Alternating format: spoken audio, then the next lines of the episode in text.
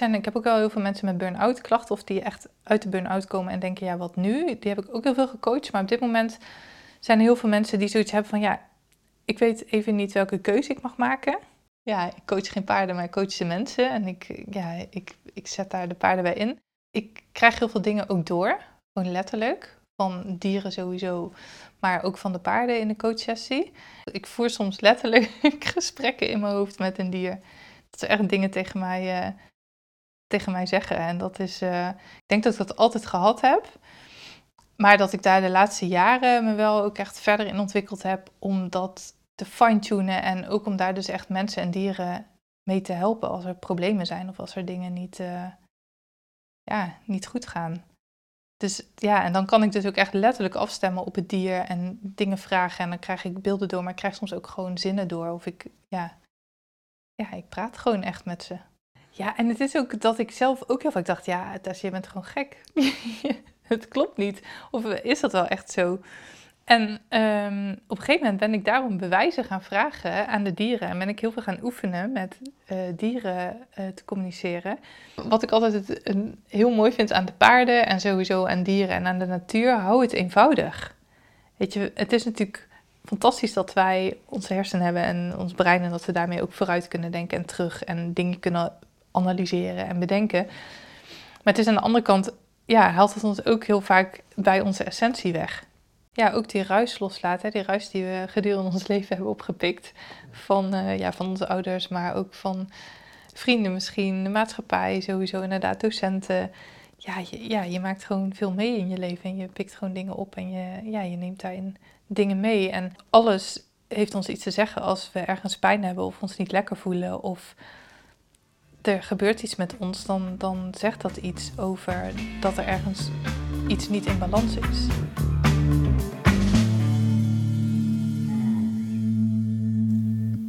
Ja, ik blijf het zo bijzonder vinden dat jij zeg maar coaching met paarden doet.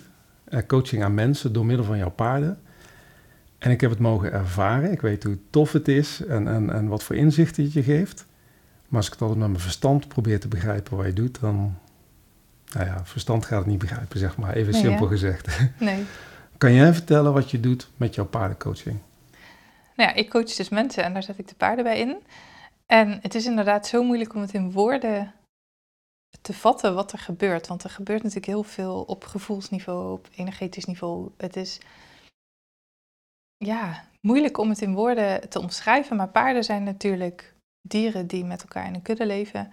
Dus die alles ja, zonder woorden doen. Dus daarom is het ook zo moeilijk, denk ik, voor ons om woorden aan te geven. En toch werken ze heel nauw samen met elkaar om te kunnen overleven. Want het zijn prooidieren, dus er wordt op ze gejaagd. Dus ze hebben het ook echt nodig om met elkaar in die kudde te leven om te kunnen overleven. Maar dan moet wel ieder dier in die kudde in balans zijn. Want als er één dier niet in balans is en niet in dat systeem past, dan, uh, ja, dan is de hele kudde in gevaar. Dus daar maak ik in de coaching zeg maar, nou ja, gebruik van, van um, het hele intuïtieve van de paarden om aan te voelen wat er nodig is. Dus op het moment dat je als mens bij die paarden in de kudde staat, voelen die paarden ook meteen aan ja, hoe het met je gaat, wat je nodig hebt om ja, volledig jezelf te zijn, volledig in balans te zijn, volledig je eigen plek in te nemen binnen die kudde. En dat laten ze zien. En ja, ik ben er dan om natuurlijk te vertalen wat die paarden laten zien. En daar vragen over te stellen en iemand daarin te coachen. En hoe bedoel je dan? Dat, dat paarden iets laten zien? Ja, het kan zijn dat ze bepaald gedrag laten zien, wat er ergens voor kan staan. Um, en ik vertaal dat gedrag dan.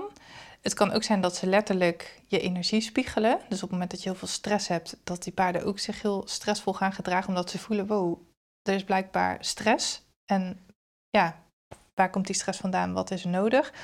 Of dat die paarden aanvoelen, nou, er is helemaal geen stresssituatie. Jij hebt te veel stress onnodig. Dus we gaan juist in een hele kalme toestand staan, waardoor je eigenlijk als mens weer wordt meegenomen in die rust van de kudde. En je dus ook je stress kan loslaten. Dus er zijn heel veel verschillende manieren waarop de paarden iets laten zien. En ik tune daar ja, op in. Ik, ja, ik leg contact ook met de paarden eh, tijdens de sessie, maar ook tune ik in op degene die tussen de paarden staat en van daaruit um, ja, kijk ik wat er gezien, gehoord, gevoeld mag worden. En daar stel ik vragen over of daar zeg ik iets over. En het is nooit zo dat ik zeg, nou, paard laat dit zien, dus dat betekent dat voor je. Nee, het, gaat natuurlijk, het is voor ieder mens en iedere situatie weer anders. Dus de signalen van een paard zijn per mens ook anders, bedoel Ja. je? Het is niet dat ze steeds dezelfde type signalen geven die je als dusdanig kan interpreteren. Nee, nee, ze reageren echt op ieder mens weer anders. Want ik heb ook wel eens dat ik groepen coach. En ehm, dat hetzelfde paard bij al die verschillende mensen iets totaal anders laat zien. Het is echt zo afgestemd op de persoon. Dat, eh, ja, dat maakt het ook echt heel, eh, ja, heel tof om te zien. En ook echt heel waardevol en helpend. Maar dat snap ik, want ze doen ieder, bij ieder mens geven ze een ander, eh, ja, geven ze natuurlijk andere signalen, want het zijn andere mensen. Ja, Maar zijn de signalen ook steeds anders? Of zie je wel dat ze dezelfde signalen geven? Zoals iemand een beetje omverduwen of knabbelen. Dat kan ik me Ja. nog herinneren dat ze Ja. dat deden. Ja, ja, er zijn bepaalde signalen die ook ergens voor kunnen staan en dat laten ze dan wel zien. Maar het is wel elke keer bij iedereen net iets anders of in een ander, op een ander moment. Maar je hebt inderdaad wel bepaald gedrag als inderdaad tegen je aanduwen of ehm, ja, aan je knabbelen of gapen of een bepaalde positie die ze innemen ten opzichte van je. Ja, dus dat zijn wel dingen, ja, de manier ook waarop ze natuurlijk in de kudde met elkaar communiceren. Zo communiceren ze ook met ons. En ja, dat is gewoon heel belangrijk om dat, denk ik ook als coach met paarden, om te herkennen van, oh, wat laten ze nu echt zien? Ons menselijk stuk los te laten en echt, echt op dat gevoel in te tunen van, wat laten ze nu werkelijk zien? En hoe word je dan paardencoach? Ja, Ja, of coach met paarden eigenlijk, hè? ja coach met paarden. Ja, Ja. ik zeg altijd, ja, ik coach geen paarden, maar ik coach de mensen. En ik, ja, ik, ik zet daar de paarden bij in. Nou, ik heb zelf een opleiding daarvoor gedaan, maar daarnaast ben ik ook echt opgegroeid tussen de paarden. Vanaf mijn zevende rij ik vanaf dat ik negen ben hebben we thuis paarden. Dus ja, ik kan eigenlijk al lezen en schrijven met ze.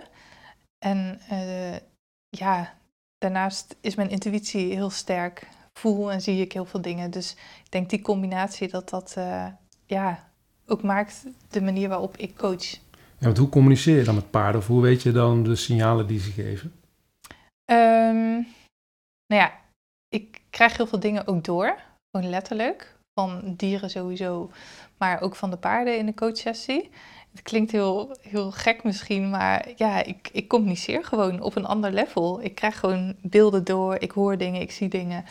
En dat, eh, ja, dat geef ik dan vaak terug aan degene die, eh, die bij mij in de bak staat. En ja, dat is eigenlijk altijd raak.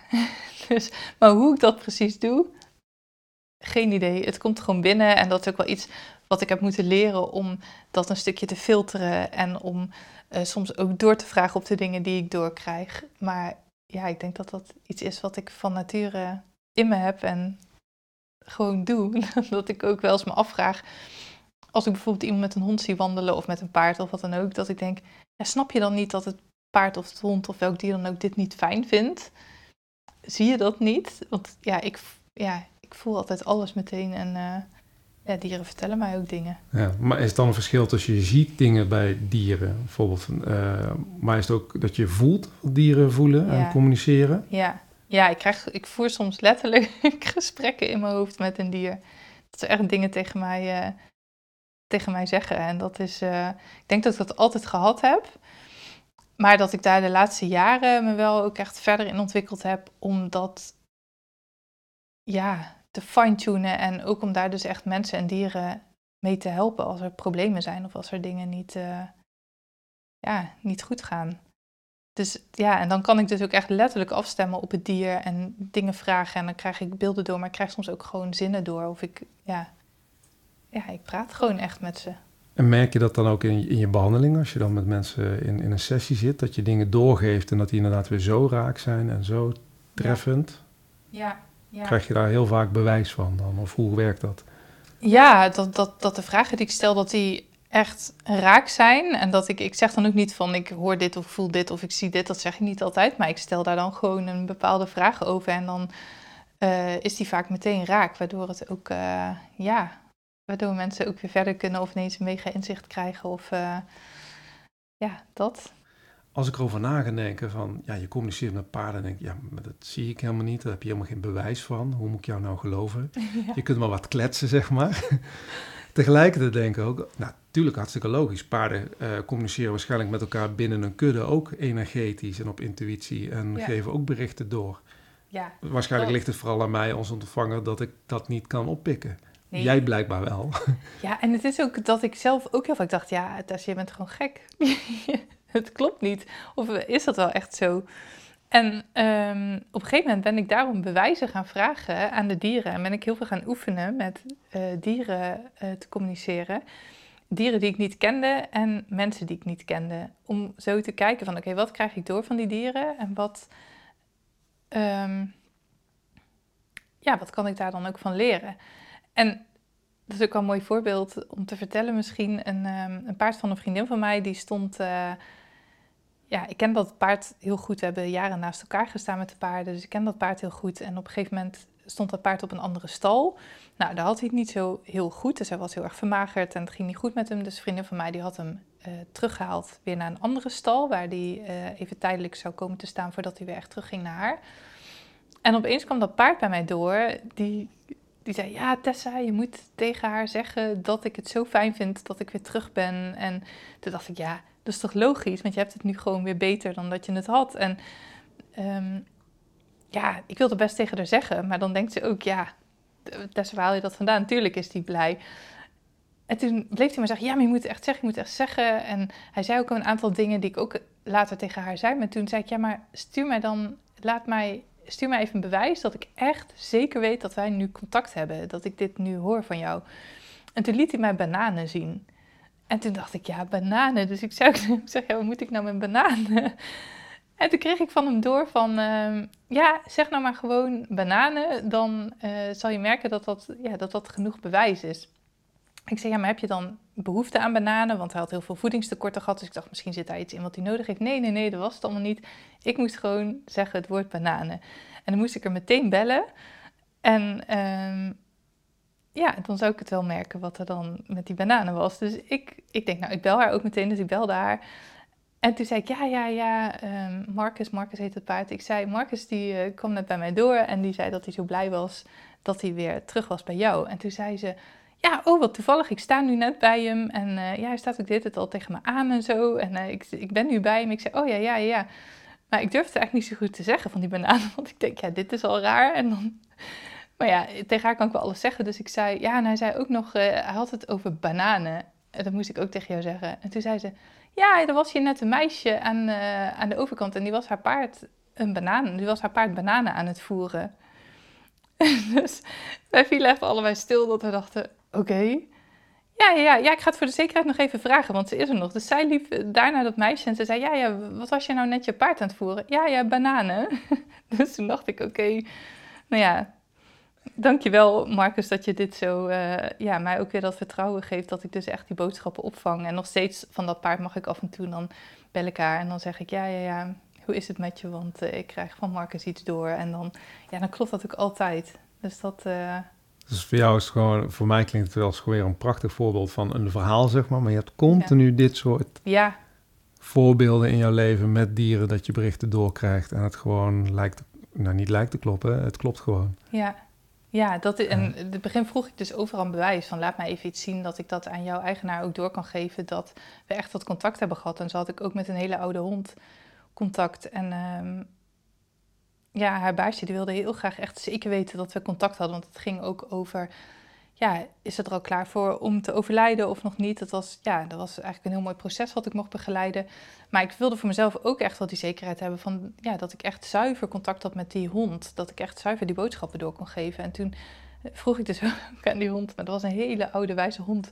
En die zei, ja, het klopt gewoon, je hoeft niet overal bewijs voor te hebben. En dat was natuurlijk ook een hele mooie boodschap al. Maar zei ik, ja, maar geef me even iets, weet je wel. Laat me even iets zien of voelen of noem dat ik, dat ik het ook aan jouw baasje door kan geven. En toen zei, zei die hond, was ook alweer, want ze geven me dan echt hele gekke bewijzen. Van, uh, toen zei die hond van, ja, het gootsteenputje moet altijd brandschoon zijn. En toen dacht ik, ja, wat is dit nou? Wat moet ik hier nou mee? Maar ik had het wel opgeschreven, want ik schrijf altijd als ik het contact heb. En uh, dus ik zei tegen haar, tegen de eigenares, ik zei, ja, ik zei, er kwam wel een bewijs, maar het is een beetje gek. Ik weet niet zo goed wat ik ermee moet. Het grootste putje moet altijd brandschoon zijn. Ik zei het ook echt lachend, want ik dacht, ja, waar gaat het over? En toen was zij helemaal stil en toen zei ze, heeft ze dat echt gezegd? Ik zei, ja, ja, ja, dat zei ze echt. Ik zeg, ja, het is een beetje raar misschien, maar dit zei ze. Ja, maar hoe weet ze dat nou? Want dat is inderdaad waar. Want als ik thuis kom en mijn man heeft gekookt en heeft afwas gedaan, sowieso als ik thuis kom, ga ik altijd eerst checken of het putje schoon is. Want ik heb er zo'n hekel aan als daar iets nog vies in ligt. En toen dacht ik, oké. Maar zij vond het ook heel normaal dat, terwijl dat, ik denk daar helemaal niet over na. Maar ja. ja het is echt een hele mooie, gekke voorbeeld. Ja, het is toch bizar? Ja, ja, het klinkt heel bizar, maar ook wel heel mooi. Ja. Hoe kijk jij daar dan naar, naar, zeg maar, naar die gaven? Hoe kijk jij daar zelf naar? Je hebt dat waarschijnlijk steeds meer gaan ervaren in je leven van, oh joh, dit, dit werkt zo. Ja, nou eerst vond ik het heel lastig. Ook omdat ik dus zoveel doorkrijg, niet alleen van dieren, maar ik krijg ook dingen voor mensen door. En dan vond ik het echt heel lastig, want ja, wat zeg je wel, wat zeg je niet? En um, het is ook best vermoeiend om deze dingen door te krijgen. En moet ik er iets mee? Want je hoeft natuurlijk ook niet met alles iets, want er zijn natuurlijk zoveel dieren die hulp nodig hebben, zoveel mensen die hulp nodig hebben. En ik wil ook graag mensen en dieren helpen, dus ik pakte ook soms gewoon te veel op mijn schouders. Maar nu zie ik het wel echt als een gave en dat ik dat ook niet voor niks kan. Dat ik daar dus ook echt wel mensen en dieren mee mag helpen. Dus ik zie het nu ook wel als iets moois. Ja. En kun je dan ook echt alleen signalen van dieren opvangen? Of kun je ook meer signalen opvangen van natuur of, of van mensen? Ja, of... ja ik, ik sta denk ik altijd wel open voor alles. Want er komen ook wel ja, dingen uit de natuur soms op mijn pad waar dan ook weer een boodschap in zit. Ehm, ja, maar ook dieren natuurlijk. Ehm, soms voel ik ook al wel dingen aan. En dat is dan soms ook wel weer een soort van beangstigend. Dat ik soms denk, oeh, weet je, ik heb een beetje een, niet fijn gevoel. Hmm, staat er iets te gebeuren? Ehm, ja, soms is dat zo en heel vaak ook niet. Dus dat is ook elke keer weer het onderscheid maken tussen ja, wat is zuivere waarneming en wat niet. Dus het is, ja, het, het is een gave en een, ja, iets om, om blij mee te zijn, maar soms is het ook, uh, vind ik het ook wel vermoeiend. ja, ik kan me voorstellen. Ja. Hey, dan even terug naar jouw sessies, want uh, jij begeleidt mensen dan uh, met, met de paarden in een, nou, laten we zeggen, zelfontwikkeling. Ja. Dus volgens mij dient het vooral als een spiegel over hun eigen gedrag. Ja.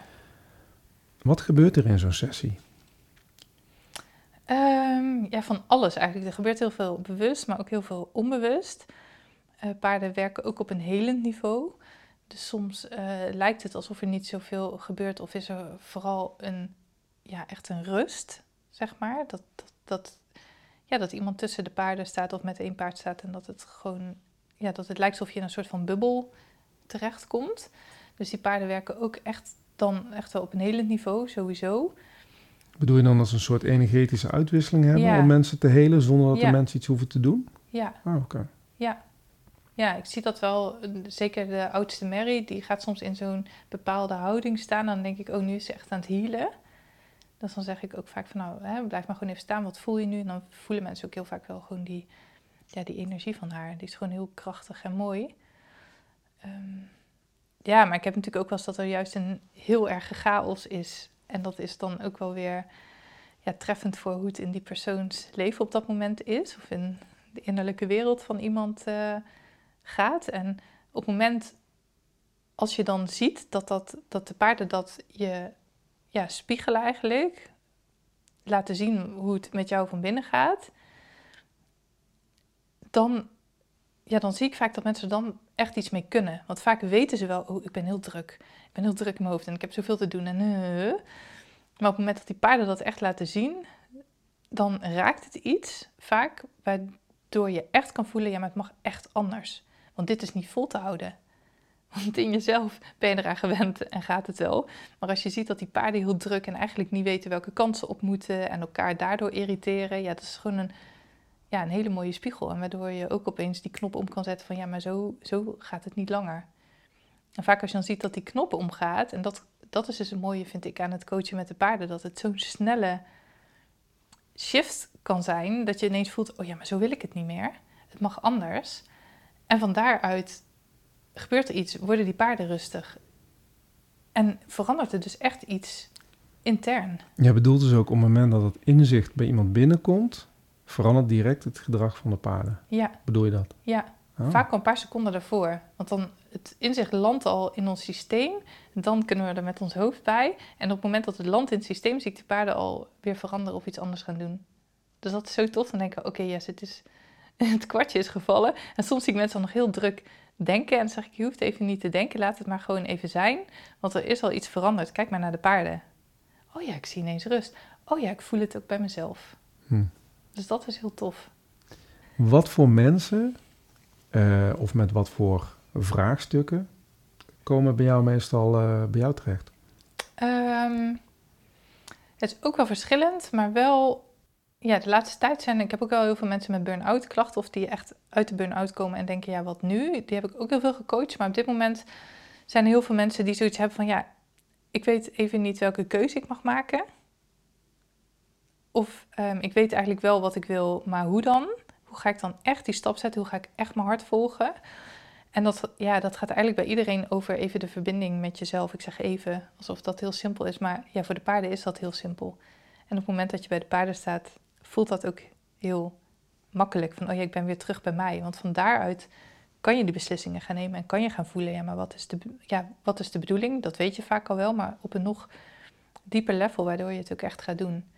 Dus ook wel, ehm, ook wel ondernemers die net startend zijn, maar ook die al een goed lopend bedrijf hebben en die denken, ja, het mag anders, maar hoe dan? Of ik weet eigenlijk wel hoe, maar ah, ik heb net even dat setje nodig. Want op het moment dat je het weet, dan ga je het nog niet altijd doen. Pas als je het echt voelt, dan ga je die, die stap zetten. En dat is wat er vaak, ja, wat die paarden super mooi laten zien, wat echt En- nodig is. En dat is ook de reden dat ze naar de sessies komen. Dus ze voelen, Ja. er is een verandering nodig, maar ik weet niet precies waar of hoe. Ja. ja, en dus ik zie mensen eigenlijk ook nooit in hele langdurige trajecten. Want Dus- hoe lang duurt een traject doorgaans? Ja, meestal, de, meest, de meeste mensen die ik één op één coach is drie maanden. Soms wat langer of soms komen, hè, komen ze na, na bijvoorbeeld een half jaar nog weer een keer een sessie doen. Zo van, oh ja, weet je, ik wil eventjes weer eventjes iets checken of even opfrissen. Maar ja, meestal is het drie maanden en dat zijn dan vaak drie sessies. En tussendoor hebben we dan, eh, dan gewoon contact. Dus ja, in de eerste sessie gebeurt er al zoveel en krijg je de inzichten. En van daaruit coach ik dan om dat ook echt te, te gaan integreren. En ook weer even terug te kijken op die sessie van, oh ja, maar hoe voelde je het? En je weet wat je mag doen. En ja, en daarin ook gewoon met praktische tools iemand, eh, iemand verder helpen. En wa- ja, nee, ik wou zeggen, wat is jouw rol daarin? Maar ik snap, jij coacht de mensen natuurlijk. Dus, eh, en jij, jij bent de vertaler, dus dat vind ik een Ja. beetje een slappe vraag. Ja, maar het is wel mooi. Misschien hè, dat die verantwoordelijkheid wel echt bij degene ligt die bij mij het traject aangaat. Natuurlijk, hè, ik heb mijn verantwoordelijkheid in, ik, ik coach, eh, maar ik ga het niet voor je regelen. Je mag het zelf doen. Moet je zelf voor werken. Ja, ja. En vaak denken we, oh, we moeten hard werken. En dat is ook wel iets wat ik altijd heel belangrijk vind. Weet je, er zijn misschien dingen in het verleden gebeurd. Of je, je gedraagt je op dit moment omdat er bepaalde dingen zijn gebeurd. Maar ik ga nooit graven in het verleden. Soms komen er dingen naar boven. Oh ja, maar dat komt daar vandaan. Oké, nou mooi, dat mocht nog even gezien worden. En nu mag je weer, weer door. Dus ze zijn echt een, ja, vanuit het nu kijken. Ja, hoe kan je je volgende stap zetten en eh, ja, waar wil je naartoe? Ja. ja, ik heb het zelf ook mogen ervaren. En toen merkte ik ook dat je inderdaad op de moment de hele treffende dingen weet te zeggen of te vragen. En dat heb ik bij, bij mezelf ervaren, maar ook bij de andere deelnemers. Dat ik dacht, ja, hoe kun je dit nou zo vragen of zeggen weer? En dan komt er iets naar boven, ook bij de deelnemers. denk je, jeetje, je zit er op een pad. Dat ik denk, Ja, ik als deelnemer had dat niet per se kunnen voorzien, zeg maar. Het ging soms ook heel snel, dat ik echt dacht, we zaten net in deze energie en ineens zitten we ja, in die, en soms was het Ja. ook, zag je hem aankomen, een andere keer zat je ineens in die andere energie. Maar ik vond het heel wonderlijk hoe je dan de, ja, de juiste woorden wist te gebruiken, de juiste vraag wist te stellen. Maar is dat dan ook echt die intuïtie en het intunen op de paarden dan? ja. ja en ook, ook mezelf een soort van blanco maken. Dat ik zelf zonder oordeel of verwachting zo'n sessie inga. Want als ik ga denken, dan kan ik wel denken hè, met een verhaal wat iemand mij vertelt. Voor, want ik heb eigenlijk altijd wel voorafgaand al gesprek met iemand voordat ze bij mij komen om te kijken of, het, hè, of ik iets kan betekenen en, en ook of het klikt. Ehm, en van daaruit kan ik natuurlijk al een heleboel ideeën hebben van, oh ja, maar we moeten dit doen of ik ga die opdrachten bedenken eh, om te doen met de paarden. Maar dat doe ik eigenlijk nooit. Ik werk altijd vanuit vrijheid met de paarden. Dus gewoon tussen de paarden, in de paardenkudde, nooit met een opdracht. Omdat dan echt naar boven kan komen wat er gezien mag worden. Want anders ga ik het invullen, of de ander het al invullen. Nee, laat maar zien, want de paarden zijn zo zuiver. Gewoon, ja, zuiverder krijg je het niet. Ja. Dat is, eh, Eh, hoe komt het dat paarden zo zuiver zijn? Was dan eigenlijk een beetje de oorsprong en het verhaal achter de paarden? Ehm, ja, paarden zijn natuurlijk, ze bestaan al 60 miljoen jaar als diersoort. Dus dat is mega lang, zeker als je bedenkt dat ze prooidieren zijn. Ja. Er wordt dus op ze gejaagd. Ehm, en daarom zijn ze dus ook met elkaar in een kudde gaan leven.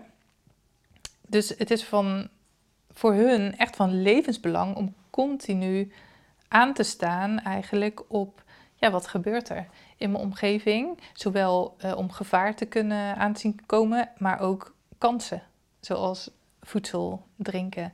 Dus het is eigenlijk ja, voor hun heel erg belangrijk om in die verbinding te staan nou ja, met zichzelf en van daaruit met de rest van de kudde. Het is echt een, een systeem wat ook steeds verschuift. Want ieder paard in de kudde heeft ook zijn eigen taak, zijn eigen plek. En moet die plek ook innemen en moet die taak ook doen. En op het moment dat die taak niet meer past, dan verschuift dat weer naar een andere taak die beter past. Dus er is geen burn-out, maar ook geen bore-out in een paardenkudde. Ze zijn wie ze zijn. Met al hun talenten staan ze op de beste plek in de kudde. En van daaruit, ja, ze hebben geen woorden. Wij denken als mensen altijd dat we heel veel met woorden kunnen doen en kunnen vertellen en kunnen verbloemen ook. En, ehm, maar bij paarden is dat niet zo. Die zijn gewoon wie ze zijn. En, en vandaar zijn ze natuurlijk, hebben ze al hun zintuigen mega ontwikkeld om ja, alles te kunnen, kunnen opvangen wat nodig is. En welke rollen zijn er dan in, ook in zo'n kudde om dat werkend te, te maken? Ehm, ja, je hebt natuurlijk altijd de leidende merrie en de leidende hengst. Er zijn twee leiders in de kudde, in de basis.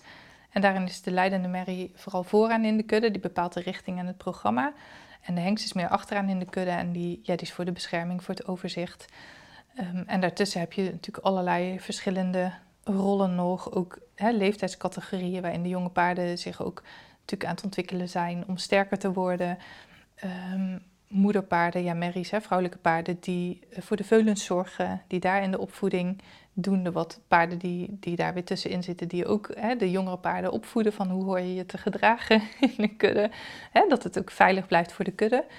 Want ja, je kan je voorstellen als er één paard steeds helemaal buiten de kudde gaat rennen en daar van alles gaat doen, dat dat natuurlijk opvalt bij de roofdieren en dat hij dan dus ook ja, gewoon kwetsbaar is.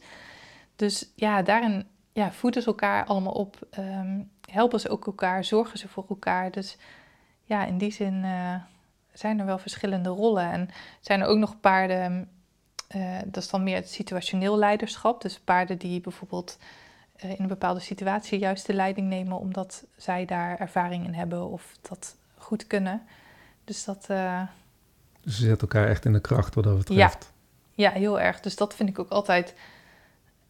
Ja, binnen bedrijven vind ik het altijd zo jammer als er wordt gekeken naar waar ben je nog niet goed in en wat moet je dan hè, extra aan gaan werken en gaan ontwikkelen. Nee, kijk ook waar ben je juist al goed in en wat, wat vind je ook leuk en waar kan je je nog meer in gaan ontwikkelen. Ja. Want dat is natuurlijk wat. eh, En was weer het volgende stapje in plaats van de volgende sprong waar je dan weer volledig in duikt of zo. Ja. ja. Zijn er eigenlijk ook wel paarden die, ehm, die buiten de kudde vallen, zeg maar, die buiten gestoten worden? Of uh, buiten gestoten Ehm, is dat een goed woord? Ja, nou ja, als ze zich niet gedragen. hè. En dat zie je wel eens bij de jonge, jonge paarden die, eh, ja, die dan de hele tijd vervelend aan het doen zijn. Die worden soms als letterlijk gewoon buiten de kudde gezet, omdat ze dan kwetsbaar zijn. Zodat ze ook leren, oh, hm, dit moet ik niet meer doen. Want, dan, want paarden voelen natuurlijk donders goed aan dat als ze alleen zijn, ja, dat ze gewoon gevaar lopen. Dat is ook waarom je een paard eigenlijk nooit alleen moet houden en altijd in kuddeverband. Want ze, voelen zich gewoon heel kwetsbaar als ze alleen zijn. Dus in die zin worden ze wel buiten de kudde gezet, maar paarden zijn wel heel liefdevol, ook oordeelloos. Dus ja, als een kudde werkt, werkt het. En soms zijn er te veel jonge hengsten bijvoorbeeld in een kudde en dan zie je wel dat die ja, zichzelf ook afzonderen en weer op zoek gaan eh, naar een eigen kudde. Of ja, dan gaan zwerven met zo'n groepje eh, jonge hengsten. En dit is natuurlijk echt in de natuur, dus in het wild. Dat is bij ons natuurlijk anders als wij de paarden wel in gevangenschap houden. Maar ja, daarin geloof ik ook dat je wel zoveel mogelijk ja, kan kijken naar van hoe, hoe ja, leven de paarden in de natuur met elkaar samen en hoe kunnen we dat voor zorgen dat dat, eh, ja, dat, dat klopt. En dat zie je wel eens bij ja, sommige paarden die dus wel in gevangenschap gehouden worden, dat, ja, dat wij mensen denken, oh ja, die, hè, mijn vriendin heeft een paard, ik heb een paard, die zetten we samen in een wei. maar ja, misschien matchen, dat kan hè, sommige paarden matchen niet. En je ziet in, in een kudde ook vriendschappen tussen paarden en paarden die heel veel met elkaar optrekken en paarden die wat minder met elkaar optrekken.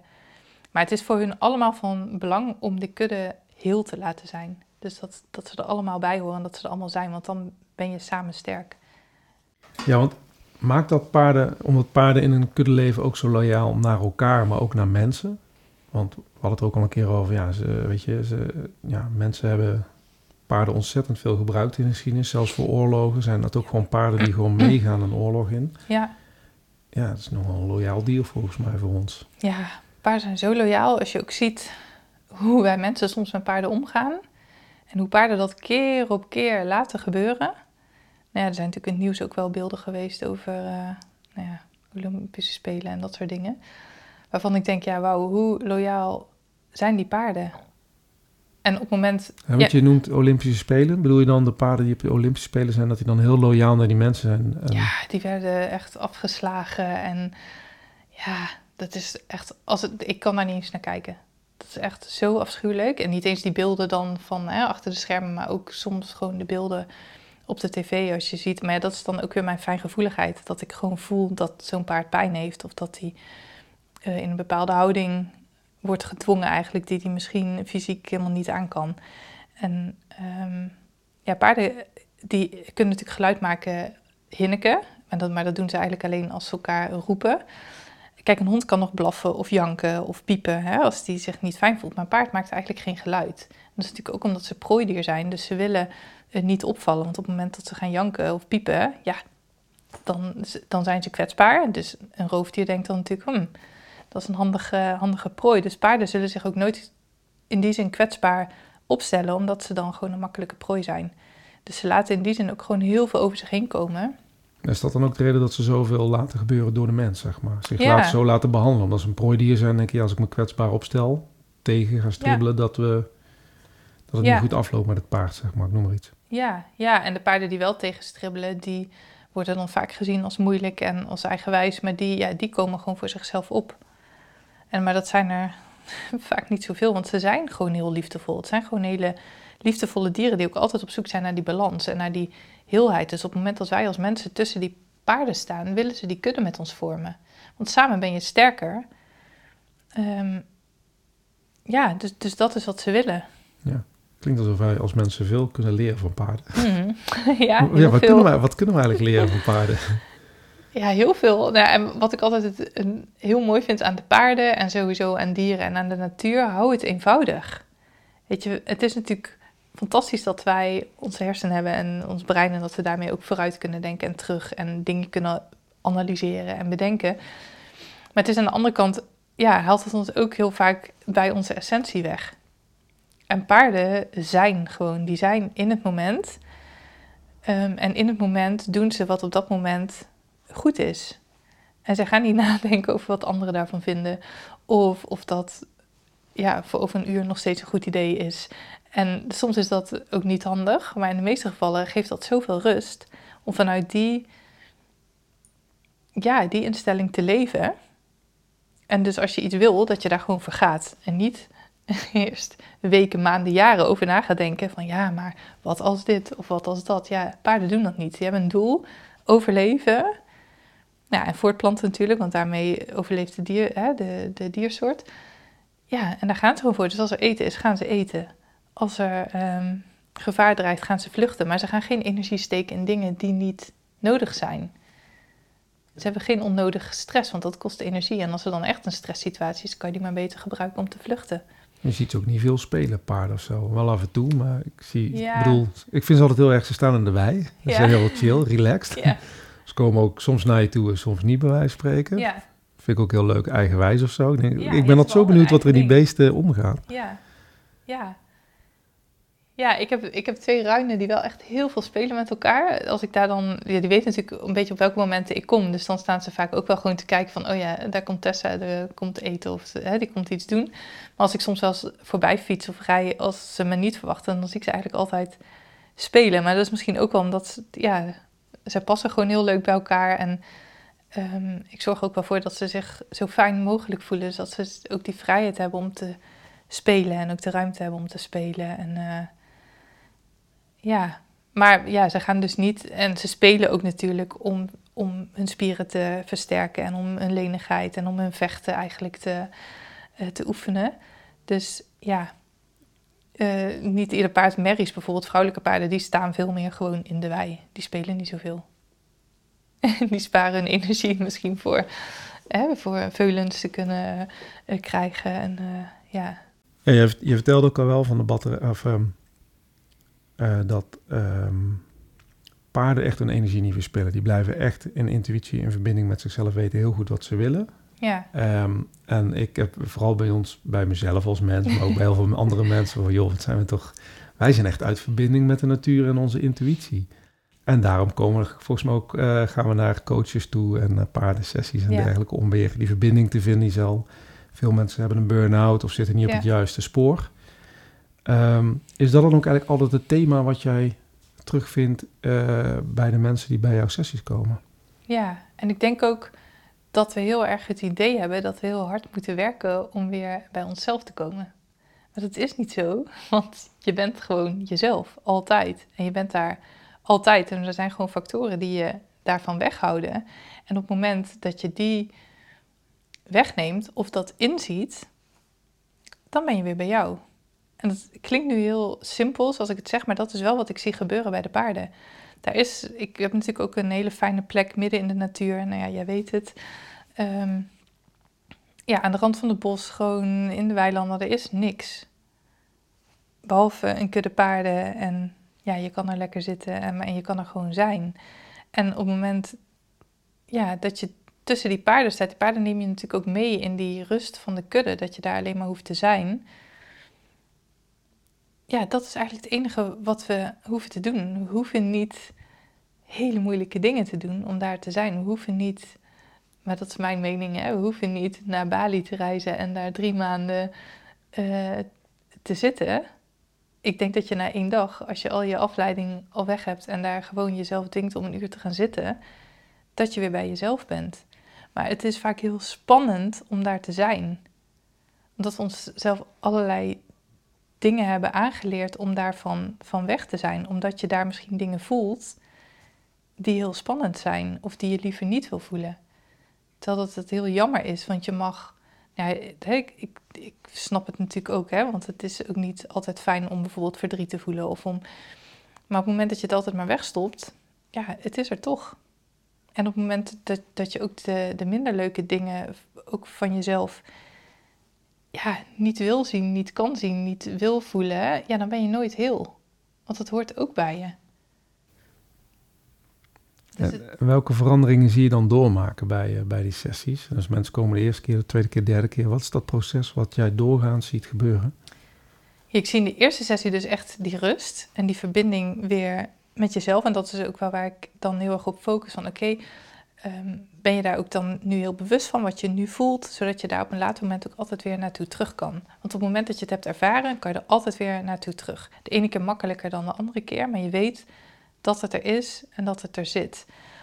En ja, de sessies daarna kijken we dan heel erg, ook afhankelijk van de vraag die iemand heeft natuurlijk, van oké, en vanuit die, die basis zijn, die in verbinding zijn met jezelf, ja, waar, waar mag je nu uh, ja, wat is dan nu ook je wens of je verlangen en waar wil je naartoe en hoe gaan we dat, uh, dat doen? En dan, ja, dan zie ik daar echt, maar vooral die, die terug naar de basis. Ja, dat is wel waar ik in het hele traject steeds naartoe terug blijf gaan. Want van daaruit kan je stappen gaan maken en kan je ook voelen, oh ja, maar dit is wat ik echt wil. Dus ik laat de ruis los en ik ga er nu voor. En hoe kun je die... Ik heb het ook meegemaakt. Eh, wat ik, nou, laat, laat ik die persoonlijke ervaring... Want ik weet nog dat ik toen echt in twee keuzes zat. Ja. Maar ik vond het nog steeds heel moeilijk van...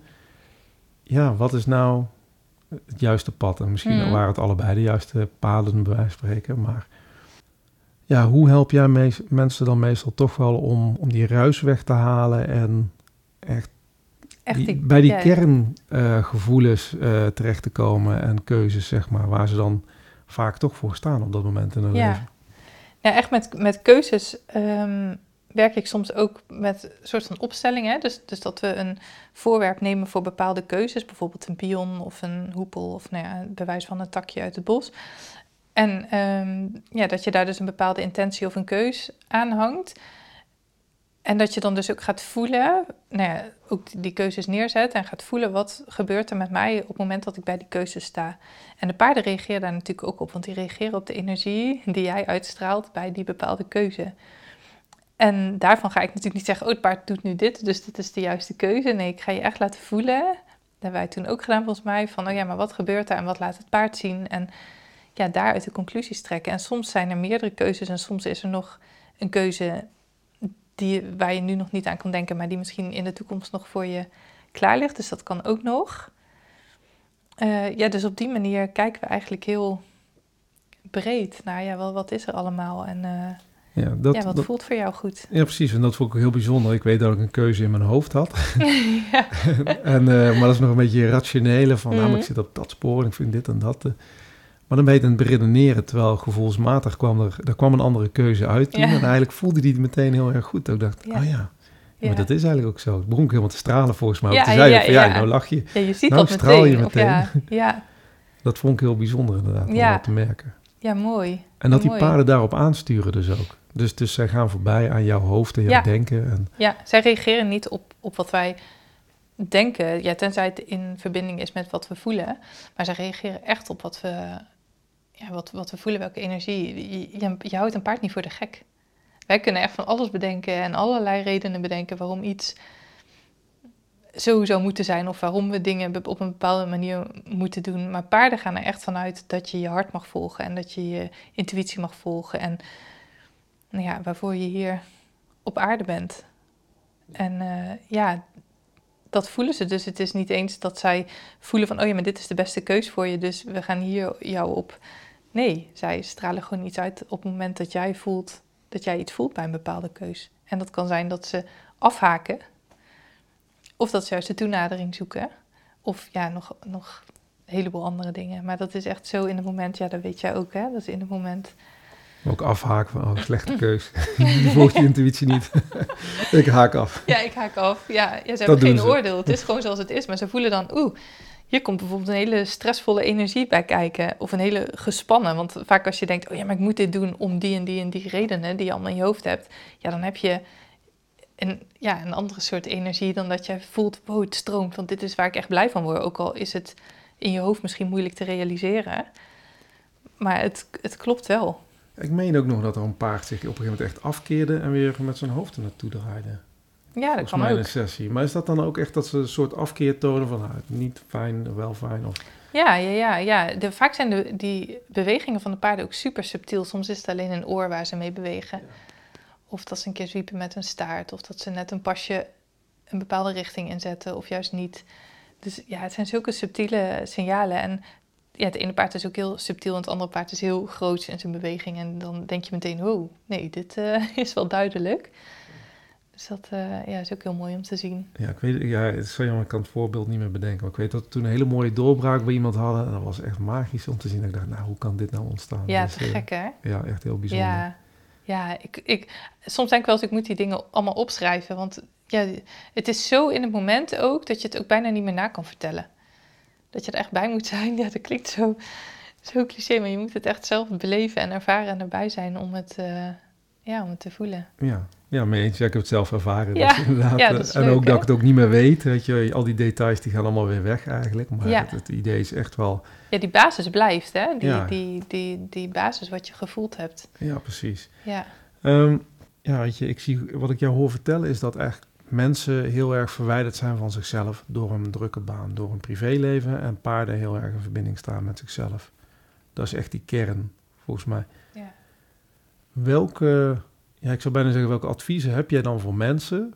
Of welke adviezen vloeien meestal voort uit jouw sessies ook met de mensen? Want ik kan me voorstellen dat er wel een bepaald patroon in zit.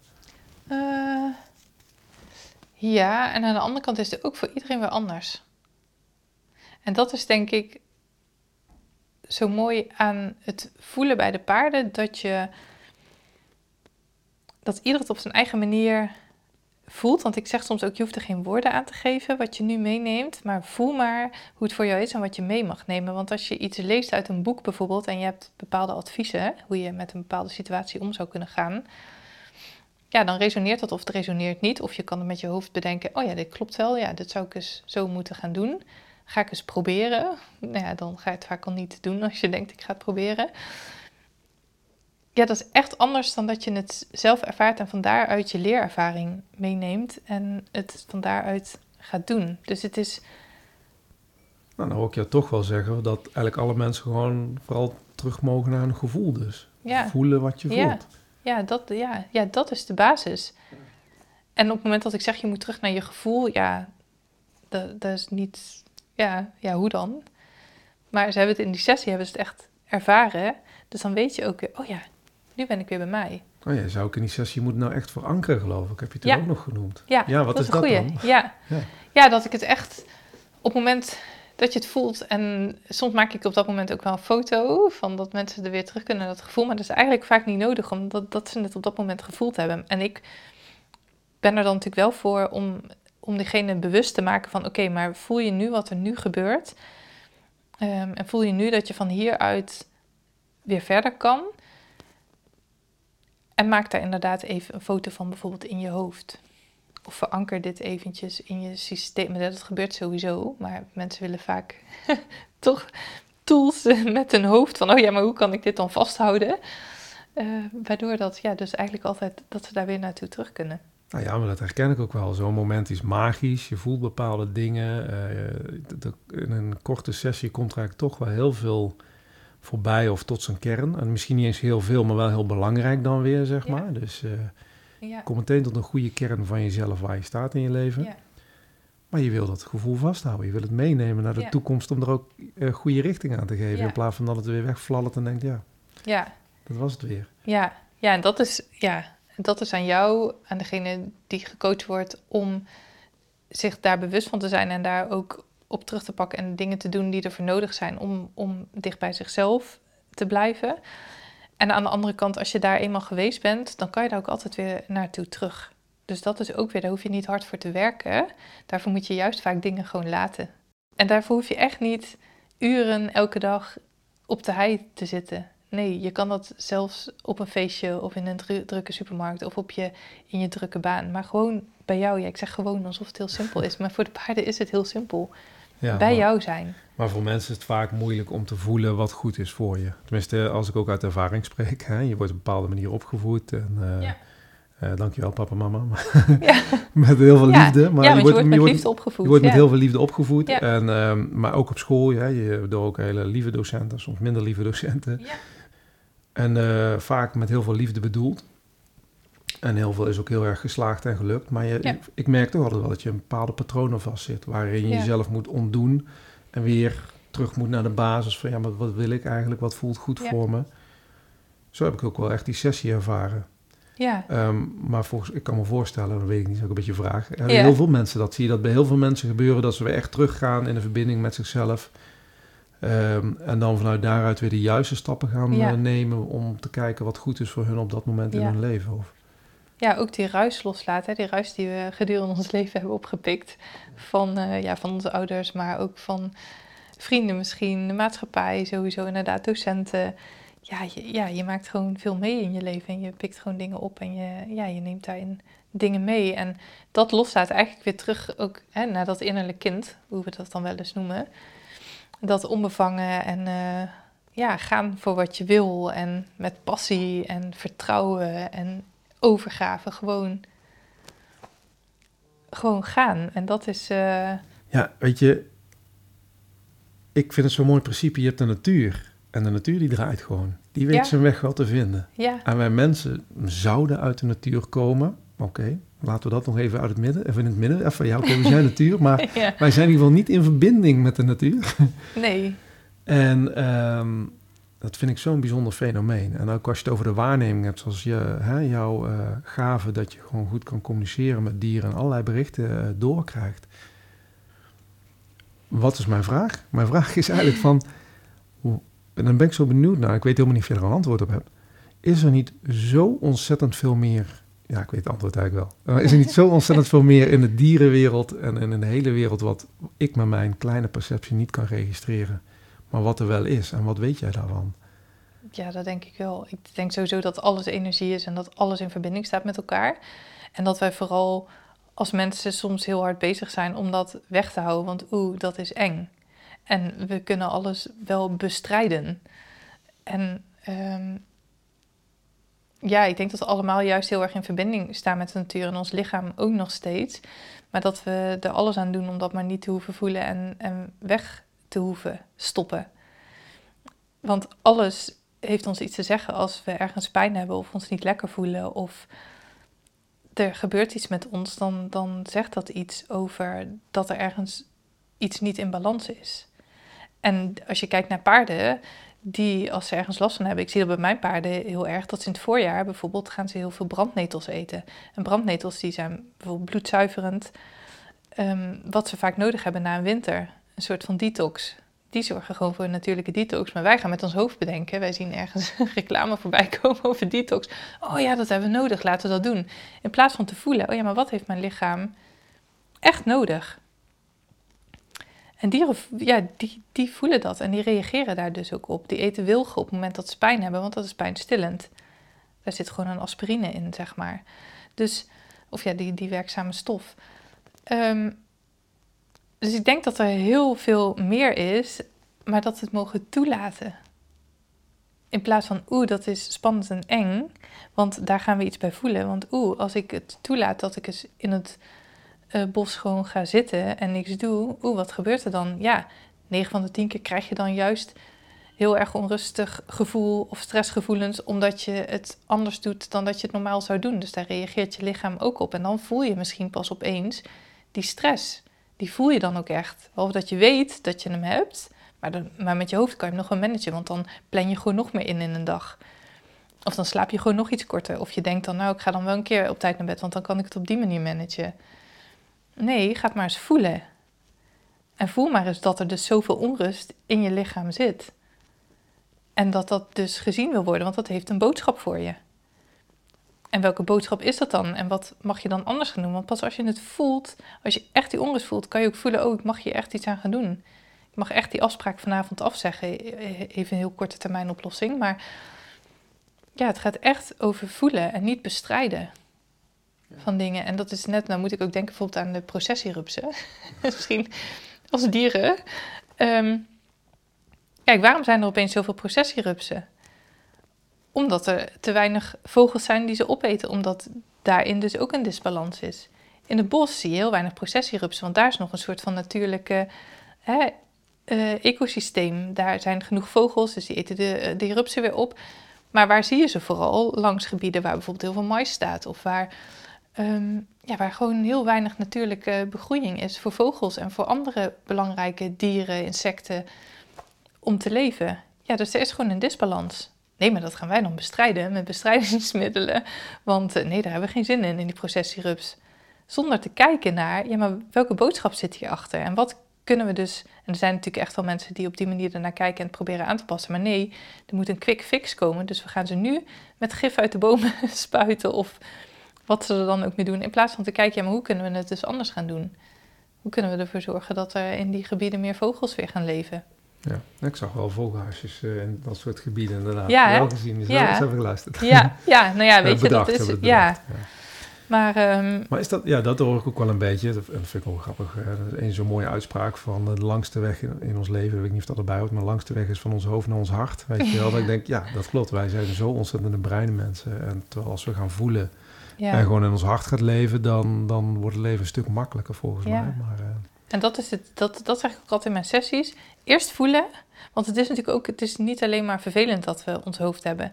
Maar eerst voelen en dan gaan, dan hebben wij prachtig ons hoofd om te gaan bedenken, ja, maar hoe gaan we dat dan voor elkaar krijgen? Hoe gaan we dat praktisch aanvliegen? Ja. Met het verleden en de toekomst in ons geheugen. Ja. Nou, dan weer mooie afsluiten nog, want um, hoe is bij jou dan ooit dat kwartje gevallen? Want je hebt dit niet altijd gedaan, je hebt eerst nog andere dingen gedaan daarvoor. Um, Maar daar heb jij ook je ervaring in moeten opdoen om het kwartje te laten vallen van oké, ik ga meer naar mijn gevoel luisteren. Ja, ja. Nou, ik denk ook weer dat, dat dat een stuk is, het toelaten. Want het is er al. En ehm, ja, ik denk ook de keuzes die ik in het verleden heb gemaakt, ik denk dat dat voor iedereen zo is. De dingen die je hebt gedaan en de keuzes die je hebt gemaakt, dat die je ook brengen waar je nu bent. Dus dat had ik ook niet willen missen. En daardoor juist weer heel bewust kan zijn van ja, maar hoe wil ik dat het. Ja, hoe functioneer ik? Als je kijkt weer naar de paarden, hè, hoe ben ik, hoe kan ik het beste mijn plek innemen hier in het geheel? En op aarde, maar ook in het hele universum. En ja, wat is, wat is mijn plek en hoe kan ik die innemen? Wat zijn mijn talenten en hoe kan ik die uh, ja, tot uitvoer brengen? Ja, maar dat bedoel ik ook. Je hebt, nu ben je met je talent bezig, met de paardencoaching, maar daarvoor heb je banen gehad, bij logopodisten geweest. Um, je vertelt eigenlijk ook, die ervaring had je dan nodig om toch tot inzicht te komen dat je hier iets mee wilde gaan doen. Um, maar was dat moeilijk, zeg maar? Wat was de oude Tessa, zeg maar? Ik noem ik je nou weer de nieuwe mm. Tessa. ja, de oude Tessa, nieuwe Tessa.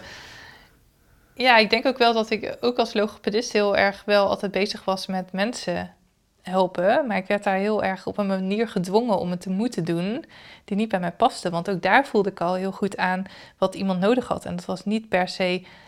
Um, ik werkte met, met mensen met uh, neurologische problemen. Dus ook mensen bijvoorbeeld die een CVA hebben gehad, dus die niet meer goed konden praten of uh, slikken of um, nou ja, wat dan ook. En daarin voelde ik heel vaak aan ja, wat ze echt nodig hadden. Maar nee, van bijvoorbeeld de zorgverzekeraar moet je wel dit doen en moet er dit resultaat komen en moet je um, rijtjes oefenen of nou, noem het maar, bepaalde testen afnemen. Dat ik voelde, ja, maar ik moet nu nog niet die test afnemen, want daar wordt iemand super onzeker van. En dat gaat het revalidatieproces alleen maar in de weg staan. Maar nee, je moest binnen twee weken moest je die test hebben afgenomen. Om het ook weer te kunnen vergelijken met hoe het over een paar maanden is. Ja, en dat paste zo niet meer bij mij. Maar ik ga nu wijk van jouw vraag. Nee, nee helemaal niet. Want je, je vertelt over hoe je toen uh, nou, tegen je eigen inzichten of frustraties aanliep. Volgens mij oh, ja. uh, ben je het vertellen. Ja. Je eigen inzichten. Ja, ja, mijn eigen inzichten. Dus dat ik dacht, ja, dit wil ik niet meer. Maar en ik wil heel graag ook met die paarden aan de slag. En ik zie die kracht van die paarden, hoe die mensen kunnen helpen. Dus hoe ga ik dit ja, vormgeven op mijn manier? En dat is dus ook niet van vandaag op morgen zo gebeurd. Dat is ook een proces. En dat is vaak wat we onszelf mogen gunnen, dat proces van groei. En daar ben ik echt niet altijd goed in hoor, want ik heb liever als ik iets bedacht heb, dan wil ik dat het er morgen al is en dat het er zo staat zoals ik het voor ogen heb. Maar ja, het gaat niet sneller dan het kan gaan of dat het de bedoeling is dat het gaat. En ook daarin weer dicht bij jezelf blijven en in het moment steeds de keuzes maken die op dat moment het beste voelen en, en daarvoor gaan. En op een ander moment weer, neem je weer ergens een andere afslag.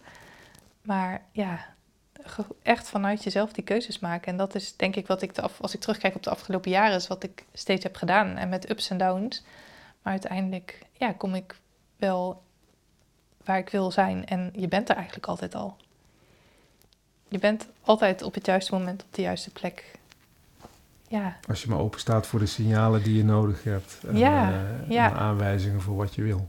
Om ja, een paar woorden aan te geven hoor. Maar. Ja, ja, en je blijft altijd groeien. Dus je bent er altijd en je bent er nooit tegelijk. Wauw, nog een keer. Je bent er altijd en je bent er nooit tegelijk. Ja. Ja, die is even nadenken. even nadenken, sorry. Echt mijn hoofd echt klonk. ja, ja, je hoofd loopt hierop vast. Ja. Maar je voelt hem waarschijnlijk wel. Ja, je bent er altijd, weet je. Je bent altijd op het juiste moment, op de juiste plek met de juiste dingen op het moment dat je dus wel echt in die verbinding bent met jezelf en voelt, oké, maar dit is het. Ook al zit je in de shit op dat moment. Als je daarin kan voelen, ja, maar dit is voor nu wat misschien nodig is of wat de bedoeling is of waar een boodschap uit zit. En dat lijkt alsof je dan shit situaties goed wil praten, maar die er zijn gewoon nou eenmaal. Weet je, het is niet alleen maar halleluja en dat is wel wat iedereen denkt. Iedereen moet altijd maar gelukkig zijn en altijd happy, maar dat is nou eenmaal niet zo dat vind ik zelf soms ook lastig. Maar als je kan beseffen dat je altijd op het juiste moment op de juiste plek bent in je juiste ontwikkeling. En tegelijkertijd dat je dus ook er nooit bent, want je hebt altijd nog weer wensen en verlangens en je wil altijd blijven ontwikkelen en altijd groeien. Ja, dat is juist de kracht. Ja, dat maakt het leven ook zo mooi. Ja, dat maakt het leven zo mooi. En, en vanuit die dankbaarheid en overgave in het nu zijn, ja, dat maakt ook dat je juist weer die groei, uh, die groei kan maken. Wat ik eigenlijk nog wel wil zeggen is van, het is altijd makkelijk praten. Hè? Ik bedoel, als je, in heel, als je in de shit zit, dan zit je ook goed in de shit. En dan moet je er wel even doorheen. Ja. Even, nou, dan moet je Ja, er en dat doorheen. is echt dus, niet fijn, altijd. Nee, Nee, dat is ook echt niet fijn. En dan denk ik ook, ja, struggle is groei, denk ik dan. Struggle is groei. Maar dan denk ik ook, ja, oh, ik hoef niet meer te groeien, weet je. Laat mij gewoon, gewoon zijn. maar een portie geluk. En dan, ja, ja. En toch weet je ook als je in zo'n periode zit dat het ook weer, ja, als je erop terugkijkt, dat het je dan ook heel veel brengt. Maar het is, ja, het, het is nou eenmaal gewoon niet altijd fijn en makkelijk. Nee, maar als je dan eh, afsluitend dan terugkijkt waarschijnlijk op de levensfases die je nu gehad hebt, de keuzes die je gemaakt hebt, hoe je dus ook waarschijnlijk met een hoop struggles ook eh, eh, deze coaching bent doen met je paarden, je intuïtie bent gaan Ja. volgen. Ehm, heb je waarschijnlijk wel heel veel mooie stappen gemaakt. Daar kijk je er waarschijnlijk heel mooi op terug. Ja, nou dat is het. En dan kan ik ook echt dat geluk voelen van, oh ja, maar kijk waar ik al... Ik heb nog, nog miljoenen wensen voor de toekomst. Maar ja, soms moet ik ook mezelf eventjes dwingen om even terug, te- om even in het nu te kijken van, wat is er nu allemaal al? En wauw, waar kom, waar kom ik ook vandaan? En ja, mijn, mijn basis, of ja, mijn waarde waar ik heel erg aan hecht, die, ja, daar voldoet mijn leven aan nu. En ook voor jou is het dus zoeken. Want ja, weet je, als ik zelf denk, ja, jij communiceert met dieren, ze geven je allemaal signalen. Maar dan moet je dan ook naar gaan leren luisteren waarschijnlijk. Dat heb Ja. je ook moeten leren. Ja. Nu is het waarschijnlijk duidelijker dan toen. Ja. Want Ja. anders zou ik zeggen, ja, waarom deed je dat toen nog niet? Maar Ja, toen deed ik het denk ik ook, maar misschien onbewuster. En dat ik het nu nog bewuster in kan zetten, ook voor mezelf. Ik denk dat dat... eh, en hoor Ja, je de is. signalen nu ook beter. Je bent Ja. ze beter gaan opvangen en, eh, Ja. en in, in, je kracht, ja, in je kracht gaan staan. Die wil ik echt niet gebruiken. Ja, maar ik snap je wat je bent, bedoelt. bent in je kracht gaan staan. Je bent het gaan je- erkennen. Ja. ja, ik heb echt mijn plek ingenomen daarin. Dat ik dat te doen heb. En dat ik dus ook mensen en dieren daarmee verder kan helpen. Ja. En je vindt dus ook heel veel bevestiging in je, in je sessies dat het werkt. Ja, ja, Ja, tof. ja. Ja. Ja, ik heb het ook ervaren. Want ik, ik, Ja. zo kwamen we dus bij elkaar. Dat is een mooie afronding Inderdaad. dan. Ik dacht van, ja, maar wat doe je dan precies? En wat stelt het ja voor? inderdaad. En Ja. toen zei ik al, ik, heb me er helemaal, ik kan me er bijna geen voorstelling van maken. Ik vond Nee, het een hele mooie trigger ook in mijn hoofd. Ja, maar gast, denk nou eens na. En natuurlijk, ik stond er echt over open. Maar ja, ja. ja dat tegelijkertijd, eh, het is toch een mindfuck, blijft het. Omdat je hoofd andere dingen soms vertelt ja. Dan, dan je hart of je gevoel. Of je de ervaringen moet ervaren. Ja, Situaties moet ervaren om het ook echt beter te kunnen erkennen. Ja. ja, en dat is ook wat ik volgens mij toen tegen jou zei. Van ja, ik kan niet echt in woorden uitleggen hoor. Je moet het echt, echt zelf ervaren om, eh, ja, om te voelen wat, het, eh, ja, wat er gebeurt. Ja. Het is echt, eh, ja. Ja, we moeten eigenlijk afronden. Ik had, Ja. ehm,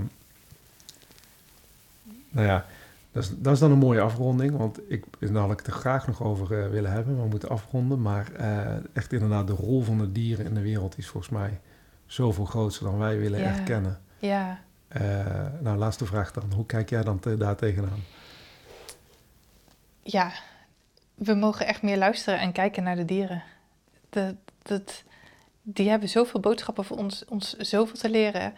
Ehm, ja, als je ook kijkt hoe wij met dieren omgaan, ja, dat is echt afschuwelijk. Hoe wij denken als mensen, hoe wij dieren kunnen ja, domineren of nou ja, hoe je het dan ook wil noemen. Uiteindelijk gaat de natuur wel door. Wij, ja, Eh, tot slot, moeten wij dan als mensen niet nog veel meer in verbinding komen met de dieren? Ja, en ik denk dat we dat wel zijn, maar dat we dat dus gewoon afhouden of zo. Dat sommige mensen daarom ook dus niet bij mij durven komen. Dat ze denken, oh jee, wat gaan die paarden allemaal blootleggen en laten zien hoe we helpen. Nou, dat is wel even kwetsbaar opstellen. Ja, dat is echt zeker. kwetsbaar opstellen. Ja. Ja. Maar dat, die kwetsbaarheid, die maakt juist zo krachtig. Want dan mag alles gezien en je mag er helemaal 100% zijn. En, en van daaruit kan je verder. En dat is denk ik echt wat de dieren ons kunnen leren. Echt gewoon... Ja, dieren zijn helemaal zichzelf en zijn toch in verbinding met alles. En dat is zo tof. Want wij zijn heel vaak niet helemaal onszelf en daarmee dus niet in verbinding met alles. Dan, dan kan je ook niet in verbinding zijn met alles. Dus als je helemaal ja, bij jezelf bent en dus bewijs van je niks aantrekt van wat de rest van de wereld ervan vindt, ja, dan, dan kan je pas zijn. Hele mooie. Ja, Hele mooie. goede afsluiter. Hele goede afsluiting. Bedankt voor het luisteren en blijf ons vooral volgen via een van onze kanalen. En je helpt ons enorm door de video's te liken en te delen.